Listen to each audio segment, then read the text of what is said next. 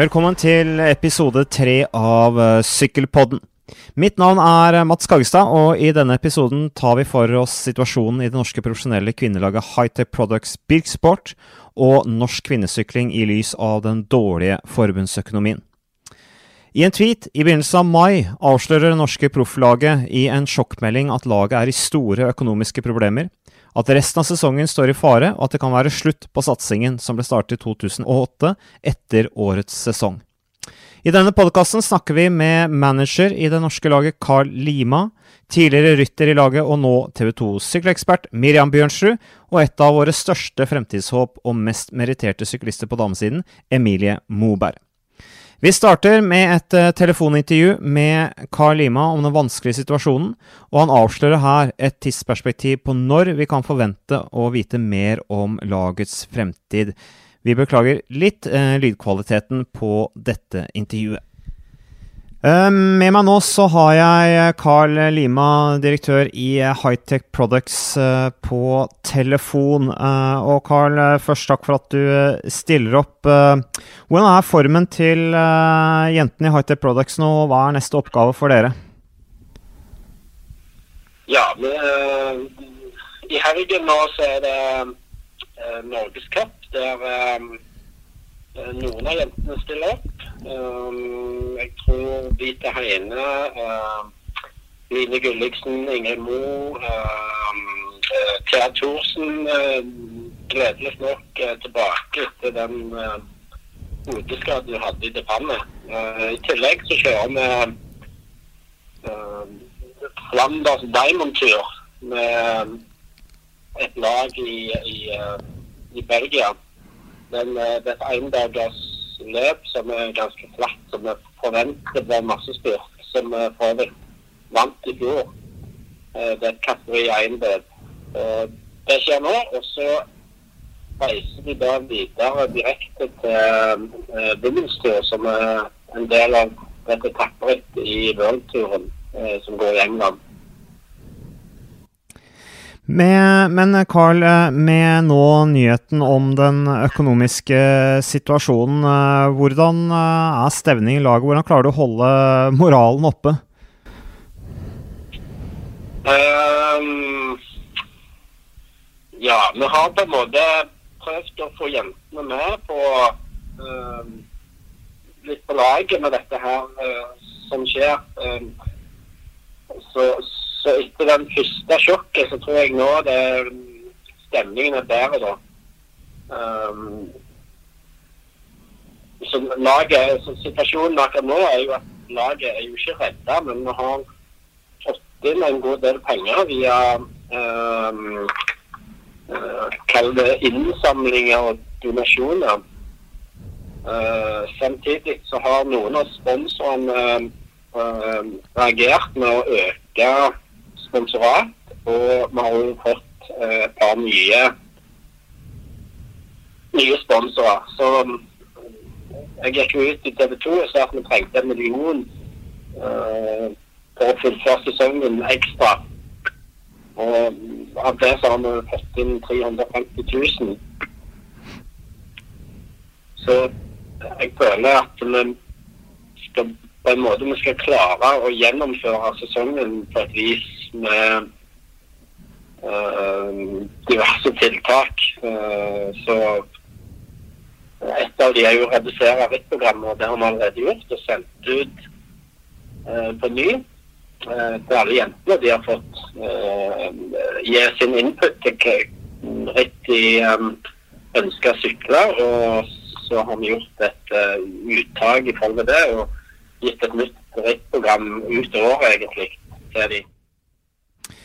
Eh, kan du Altså, du, du, dette her beskriver du som et, et sjokk, men, men hvordan forklarer du at, at denne situasjonen oppsto? det er jo en kombinasjon av mange ting. En av dem er jo at tradisjonelt sett så har mange av våre sponsorater vært uh, gentleman's agreement, um, en, en, mail, um, en uh, 'dette ordner. Og veldig mye av utgiftene som laget får, de må du committe deg til i, uh, i mai, juni, juli, august året før. Og så inngår du på en måte da et slags veddemål med deg sjøl at du skal klare å få inn alle disse pengene. Så uh, blant annet signere ryttere. Eh, hvilke ryttere du signerer, kan òg innvirke på eh, hvilken sponsor, eh, sponsorater du klarer å vinne. Så du må på en måte satse før du egentlig har alt på plass. Og dette er en øvelse som jeg har ganske god erfaring med og har gjort eh, eh, Det er vel ti ganger jeg har gjort nå og lykkes hver gang. Men uh, dette år så har jeg mislykkes da. Altså det er en Vi er på en måte i slutten av en nedtur i uh, oljebransjen der en del av våre sponsorer kommer fra. Sånn at uh, selv om oppturen er der nå, så er det mange da som på en måte har uh, sagt De har hevet inn håndkleet at nå kan de ikke være med lenger. De klarer ikke helt det de sa. De, mange ting har gått feil vei, for å si det sånn. samtidig så har forsikringene steget. Lisensene på UCI og, og forbundet har steget. Um, og, og, ikke minst så en stor årsak at en del av utstyret som jeg trodde vi skulle få sponsa, måtte vi betale for. Så alt i alt så um, så jeg ganske tidlig i uh, januar-februar at, uh, at dette var Ja, så jeg, dette kunne være et problem. Og jobba lenge i kulissene med å, å, få inn mer penger. Og så ser jeg da slutten av mars at uh, dette går ikke helt sånn som, som jeg har tenkt. Og dermed skal jeg ut og informere rytterne i begynnelsen av april uh, om, om, uh, om, saken. Og så jobbes det en del videre, og så beslutter vi jo da sammen å gå ut og fortelle dette offentlig.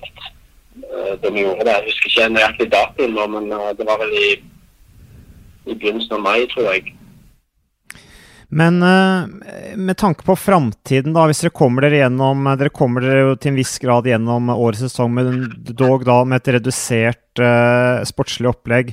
Uh, hva, hva, tenker du om framtida videre etter det, og eventuelt hva må du gjøre annerledes for at dette her skal fortsette å, å, å være bærekraftig? Ja, for det første så, så um, jeg er ikke en person som uh, vil akseptere å skylde folk penger. Um, derfor så Hvis en ikke klarer å få til en, en, en bærekraftig økonomi, så, så vil laget stoppe. Har du noe deadline på det, Carl?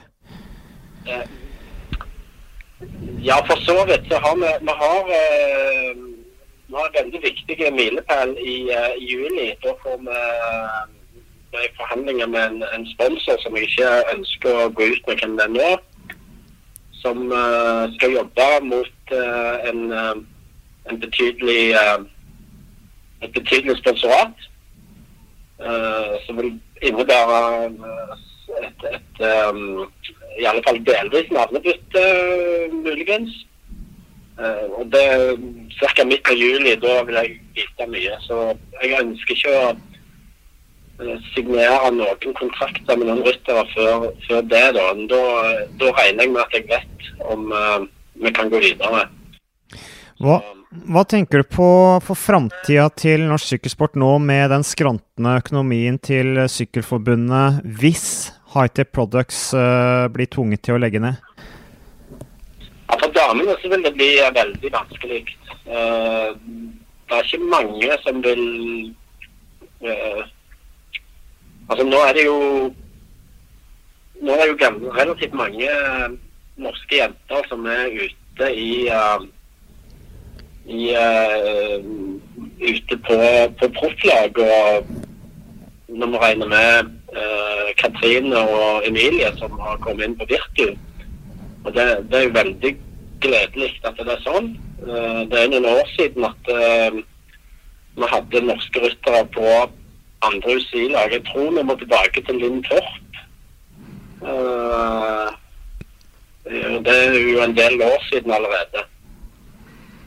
Så det at uh, high-tech uh, finnes og har funnes, uh, har jo bidratt til at vi har blitt en, en, en betydelig aktør i og har en posisjon i, i internasjonal damesykling.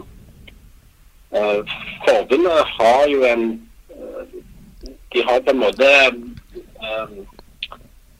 prøvd mye mer seriøst, føler jeg, de siste årene. Men, men fortsatt er programmet de har altfor lite til å være en erstatning for high-tech. De er en veldig god eh, uh, komplementærprogram for high-tech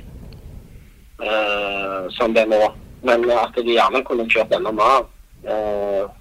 så jeg tror hvis high-tech forsvinner, så er det veldig leit for norsk damesykling.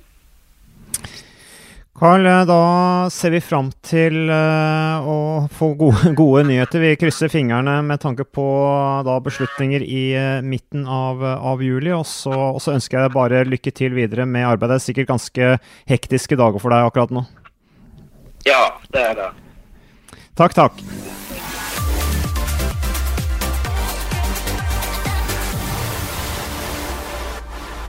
Ja, da sitter vi her på, i Eidsvoll med Miriam Bjørnsrud hjemme hos uh, Bjørnsrud og Kristoffer Skjerping. Skjerping som akkurat har laget litt uh, kaffe til meg. Det var veldig god kaffe for øvrig.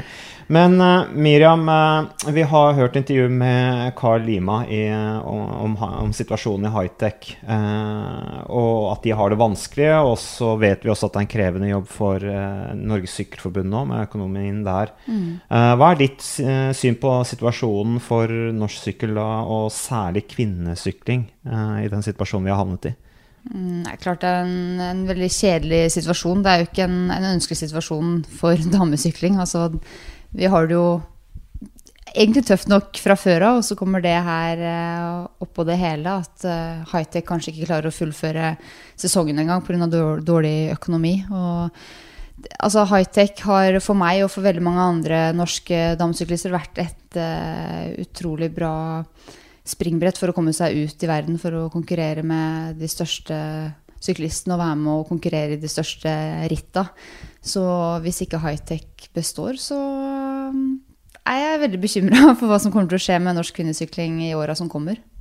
Ja, for hvorfor rammer dette her eh, norsk kvinnesykling særlig? Altså, jeg har diskutert det senere, eller tidligere, dette her med situasjonen for norsk herresykling på, mm. landeveis, på landeveien, da særlig over juniornivå. At de blir reddet av uh, kontinentalnivåene. Hva, hva er det igjen hvis high-tech forsvinner? Eh, da må jo forbundet opp i ringa. Og det som, sånn som vi ser nå, så er jo ikke dem i en heldig situasjon heller etter VM i Bergen. Så da blir jo veldig mange norske jenter stående uten noe tilbud. Da er de avhengig av klubbene sine, og klubbene har jo heller ikke nok ressurser og penger til å, til å kunne stille i store ritt rundt omkring i verden. Så da må jentene jobbe hardt sjøl med personlige sponsorer og ja, reise på egen hånd da, til Belgia, Frankrike, Nederland for å, for å konkurrere. Så mm, det er jo det er en veldig, veldig kjedelig situasjon. og Sånn jeg, var, jeg var jo avhengig av både landslaget og high-tech sjøl som syklist. Og spesielt i starten så klart landslaget som, som juniorsyklist for å komme seg ut og kjenne på hvordan det er å konkurrere mot, mot uh, utlendinger. Og ikke bare konkurrere i Norge, for det, det blir man ikke noe spesielt god av.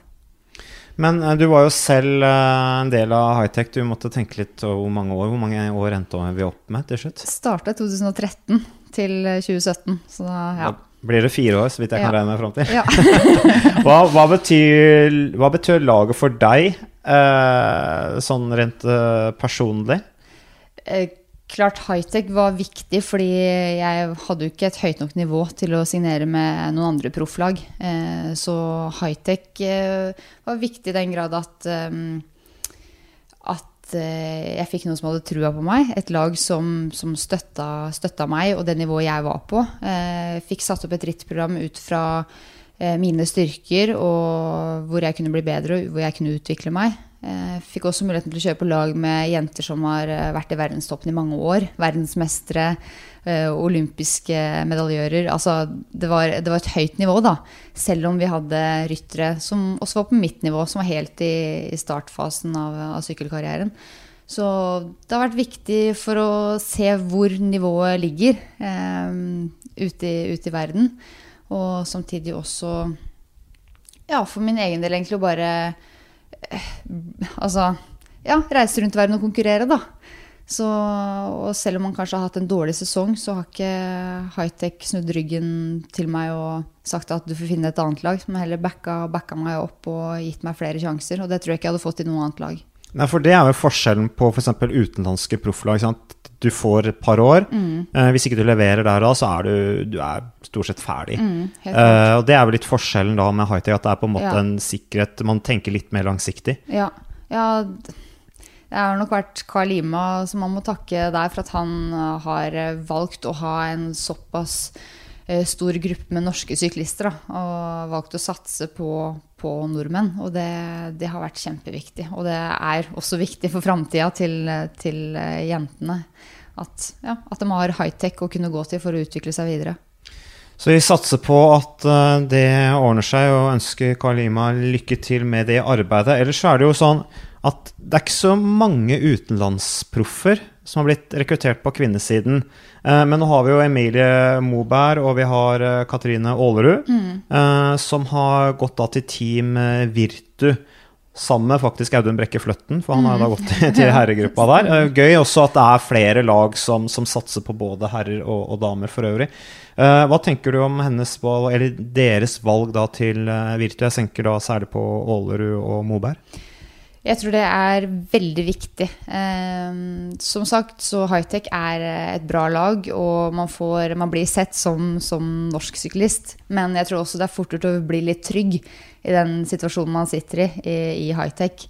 At man, ja, nei, man trives godt, det er norske jenter, man snakker norsk hvis man, hvis man vil det når man er på tur. og ja, man, man, altså Der blir det nesten en sånn liten familie. Eh, så hvis man er der i mange, mange år, så blir man kanskje litt man gror litt fast. Så jeg tror eh, definitivt spesielt Emilie tror jeg kommer til å blomstre eh, etter hun valgte å gå til Virtu. Så jeg tror det var kjempeviktig for hennes del. Og Katrine hadde kanskje ikke ja, trivdes kanskje ikke så godt i high-tech og valgte å gå til et annet lag. Så det er jo hennes personlige mening. Så jeg, hun liker seg jo i Danmark? Ja, hun trives veldig godt i Danmark.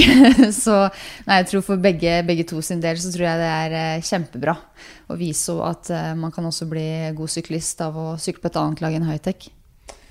Uh, vi snakket litt uh, tidligere. hva tenker du sånn Er det noe, noe du ønsker å, å ta opp rundt no, internasjonal sykling, norsk sykling? Det nærmer seg NM nå. Eh, hvem tenker du blir favoritter der eh, på, på damesida? Det blir kjempespennende. Uh, du jeg og Kristoffer snakka litt om det i stad. At NM er jo veldig spesielt. Eller generelt sykkelritt her i Norge, Norgescup, altså hva nå enn det er, så er sykkelritt her hjemme kjempespesielt. Spesielt for oss som har vært vant til å sykle mye i utlandet og kommer hjem og skal konkurrere på norsk jord. Altså, spesielt hightech-jentene kommer til å få øya på seg, og folk kommer kanskje til å sitte litt og vente på at dem skal ta ansvar og gjøre noe, men jeg tror nok clou blir å bare altså, ha trua på seg sjøl og gå for egne sjanser, og heller komme high-tech i forkjøpet, da, og heller eh, ja. ja er det mulig å slå high-tech ja, i henne? Det, det, ja, nja. Jeg tror nok nå som Emilie kjører på et annet lag, også Katrine, så, så tror jeg det kan bli veldig spennende å se hva som skjer. Klart vi har jo Vita, og, som er et, ja, kanskje det sterkeste kortet til, eh, til high-tech. Um, sammen med Thea Thorsen og Ingrid Mo, den gjengen der. Så klart den blir jo harde å slå, men det er ikke umulig. Hvordan syns du utviklingen til norsk kvinnesykling har vært uh, de, la oss si, ta fem års perspektiv, da? Sånn rent breddemessig, interessemessig. Uh, hvor står norsk kvinnesykling i, i dag? Akkurat det syns jeg er litt vanskelig å svare på, fordi jeg følte at um, når jeg altså, gikk over fra junior til senior, så var det veldig mange juniorsyklister. Det var, liksom, det var en, en god del damesyklister som var på vei opp. Og som man ser det nå, så er det, det er veldig få. Det har blitt færre og færre av de yngre jentene som, som kommer opp.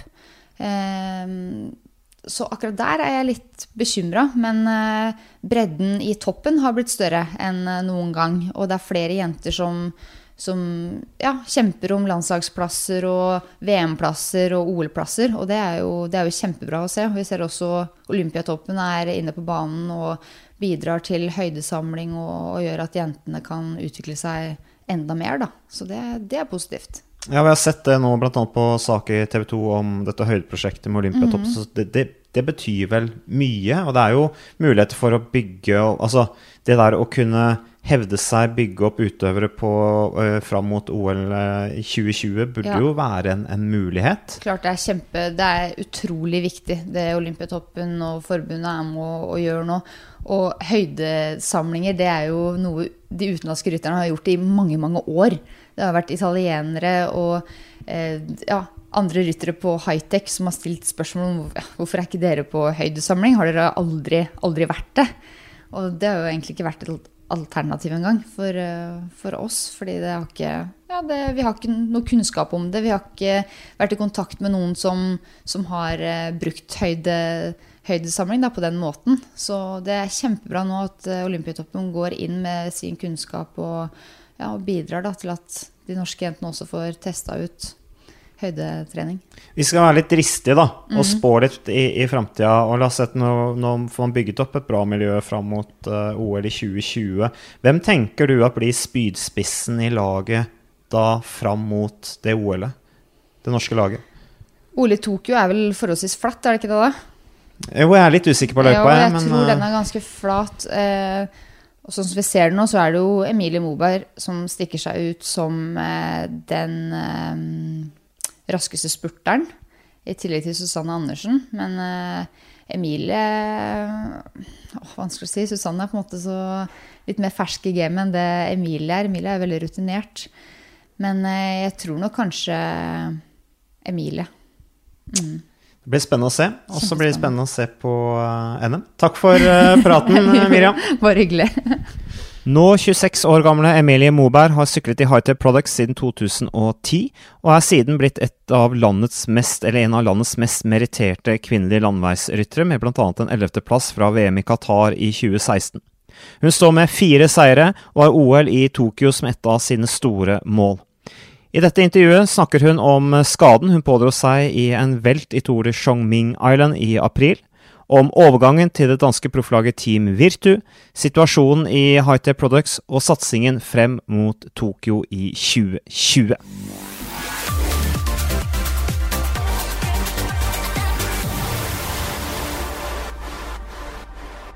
Ja, da er vi i eh, Nydalen hos eh, Emilie Moberg. Eh, Takk for at jeg fikk komme.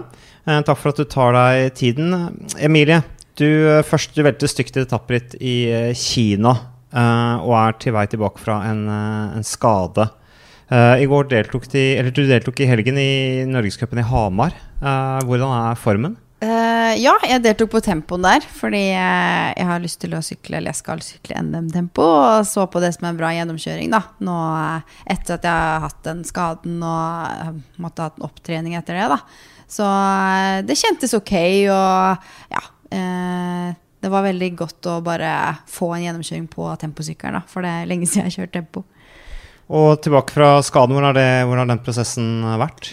Um, det gikk egentlig ganske kjapt. Um, jeg fikk beskjed om at jeg måtte holde meg på rulla de første tre ukene, og det gjorde jeg. Um, og måtte ha armen i fatle, og det skulle bare gro. Jeg måtte ikke ha en operasjon eller noe, så det var jeg veldig fornøyd med. Så da reiste jeg til høyden, eh, og de første ti dagene der så satt jeg på rulla. Så det var litt mentaltrening også. Men eh, ja, så kom jeg meg ut. blodringer, da. Ja, det fikk jo veldig bra høydeeffekt, for jeg var jo kun der oppe. Jeg sykla jo ikke ned de første dagene. Um, så ja, og etter det så fikk jeg trent normalt. Uh, og ja, ser på vattverdien og sånne ting, så, så, ser det faktisk ganske bra ut. Ja, for nå, det, det høydeprosjektet er jo interessant. Der satses det jo uh, kjennes, Hvordan kjennes det ut? Merker du noe til høydeeffekten nå, eller er det for tidlig å si? Uh, ja, nå er det andre gangen jeg er i høyden, så det er fortsatt litt sånn i starten å prøve ut å se om, uh, hvordan det her påvirker meg, da. Uh, men ja, vi tok blodvolummålinger før og etter vi dro nå, og hadde hatt en veldig fin økning der. selv om jeg var skada i starten, noe som antageligvis ville på en måte påvirke litt resultatet, da. Det antageligvis ville fått enda bedre om jeg ikke hadde vært skada. Men ja, de sier liksom at mellom 2 og 6 økning er, er, bra. Og jeg hadde fire, så sånn sett så kan man si at det var, var vellykka. Um, Idet jeg kom ned, så, så de siste hardøktene jeg hadde før konkurransen, så har jeg egentlig følt meg litt tung. Uh, men det, det, sa de var normalt, at formen kunne svinge litt. Og, ja. Så jeg gleder meg nå til den uka som kommer nå, for å se hvordan formen er. Men uh, før sesongen så gikk du og Katrine Aalerud over til uh, Virtu Cyclings, sammen med Audun Brekke Fløtten også. Uh, hvordan har den overgangen vært? det var veldig spennende å gjøre noe nytt. ut av Norge, inn på et internasjonalt lag. Og jeg ble veldig godt tatt imot. Carmen Small, som er sportsdirektør her, hun er kjempeflink. veldig dyktig sportsdirektør. Og det er ikke så lenge siden hun sykla selv, så hun kjenner feltet veldig godt. Og taktikk eh, og også coaching. Det er hun veldig god på. Så sånn sett var det en overgang til ja, et litt større lag med litt mer eh, ressurser. Eh, og så måtte jeg også ha liksom, rollen som ikke en av de i indre kjernen, på en måte, som jeg har vært på Hightech. da. Det er veldig godt miljø der, og trivdes kjempegodt der. Vi har det veldig gøy sammen. Så det var en helt ny situasjon å være liksom helt ny, da. Men eh, jeg kjente at jeg trengte det, og at ja, jeg ikke angrer i det hele tatt på at jeg har eh, tatt det steget. Da. Men er det, er det, tøffere miljø i Virtu, altså tøffere konkurransemiljø i Virtu? Er det litt ja. mindre trygt på en måte enn det det var i high-tech? Ja, det er jo det. Eh, det er ja, det er et litt høyere nivå generelt på rytteren som er der. Og mange av de kommer fra store lag, da, som Canyon og Bools. Og de har andre rutiner og ser litt annerledes på det enn det kanskje en norsk klubbrytter da, eh, ser på hvordan et lag skal drives. Eh, sånn sett så er det jo et tøffere konkurransemiljø. Og eh, du merker på en måte litt på ja, profesjonaliteten også, da.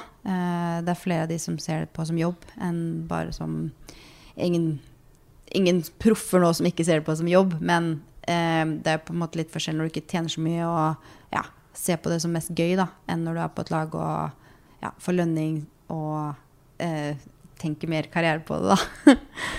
um, så det ble et veldig langt uh, svar, men uh, Ja, det er bra. Dette er en podkast. Ja. Men, men Emilie, um, du, du, du, kom deg jo ut av high-tech egentlig litt i grevens tid, kan man si, nå i lys av de litt triste nyhetene da, som har kommet om den økonomiske situasjonen. Uh, hva tenker du om den situasjonen som da Hightech og de, de utøverne som er i det laget, sitter i, i nå? Ja, uh, det er veldig trist å høre at, uh, at ikke de har økonomi nå som det burde være på et profflag. Fordi ja, Hightech har betydd veldig mye for oss norske ryttere. da. uten Hightech så hadde jo ikke vi kommet oss ut heller. Og det ja, det, det, er trist. Eh, og jeg håper virkelig at det kan komme inn en ny hovedsponsor, eller at de kan få en andre sponsor som gjør at laget kan fortsette. Fordi ja, det er så viktig for rekrutteringa i Norge. Og uh, ja, eh, Kalima har gjort masse for at damesykling i Norge har vokst, og det er jo virkelig på vei opp. Um, så jeg håper at det ordner seg nå i løpet av sommeren. Du og Katrine er jo på en måte de første som på en måte signeres videre eller rekrutteres videre til andre storlag. Eh, så sånn sett så er det jo på en måte begynner å bære frukter av den modellen de, som Hightech kanskje hadde, da, som kanskje man ser også det er likhet i med de norske kontinentallagene på herresiden. Ja, ja, det er jo første gang man ser at noen gjør litt som Joker på en måte har holdt på for herrene. da, At uh, man oppfostres på norsk lag og kan gå videre. Uh, og det tror jeg er et sunnhetstegn. da, um, Og jeg tror flere norske vil kunne gjøre det nå. Så sånn sett så, så håper jeg virkelig at high-tech kan fortsette på den måten. Med tanke på fremtiden, OL Tokyo 2020. eh, det er vel kanskje et dumt spørsmål. Er det et stort mål for deg? Ja, det er et stort mål for meg. Absolutt. Men uh, hva tenker du om uh, situasjonen nå da med, med forbundsøkonomien som er ganske dårlig?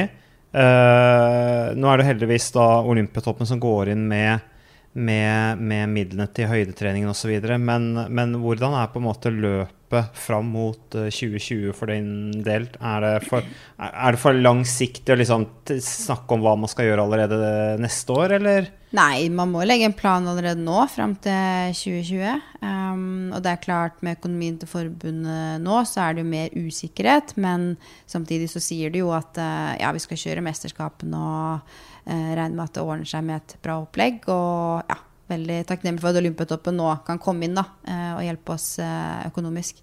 For det, det trenger vi jo. Men uh, hvor ser du for deg selv i forhold til karriera? Sånn, hvor langt fram i tid tenker du deg selv som, som sykkelrytter? Um, ja, nå, har jeg, nå er jeg jo fortsatt ung, men samtidig så har jeg jo sykla lenge nå. Um, så jeg har på en måte sett fram mot 2020, da. Har det. Uh, så, så får vi se, da. Begynner å bli litt sånn veteran da, på kvinnesiden. Ja, det er det, vet du. Når man er sånn plutselig den som har vært lengst på landslag, og Det er en litt merkelig situasjon, men uh, ja. Jeg er fortsatt bare 26 år, så uh, det er mange år igjen. Hva vet du om løypa til Tokyo? Ja, det er det. Eh, vi har fått høre forskjellige versjoner. Eh, men at de skal ha den klar i august. Så da får vi vite eh, hvordan den kommer til å se ut. Men det jeg har hørt, er at den er eh, mindre kupert enn Rio. Eh, det skulle være noen bakker på rundt sånn kilometer. Eh, men så har jeg også hørt at det kan være en løype med enda flere høydemeter. Så vi får vente og se hva, som, hva det blir til da, i august. Og Du reiser til England i morgen. Eh, hvordan er, er du klar for eh, neste oppgave? Ja, jeg håper det. Jeg er veldig spent. Og, men jeg kjenner jeg gleder meg skikkelig da, til å komme på start igjen og ja, få konkurrert. Og så er det NM etter det. Uh, hvordan blir strategien da? For da møter du jo veldig stort high-tech-lag i forhold til du og Katrine, som Yes. er to, uh, mot overmakten. Hvordan, hvem av dere skal vinne NM, og hvordan skal dere gjøre det? Ja, nei, eh, det blir en helt ny situasjon, da. Um, jeg har jo sykla NM på high-tech nå i sju-åtte år, og kjenner jo til taktikken der, da. Um, det er klart det blir eh, vanskelig når de er såpass mange, og mange av de Altså, det er jo det beste laget. Eh, men jeg ser på det som utfordring, og ja, Katrine og jeg, vi, vi skal gi dem kamp om den trøya.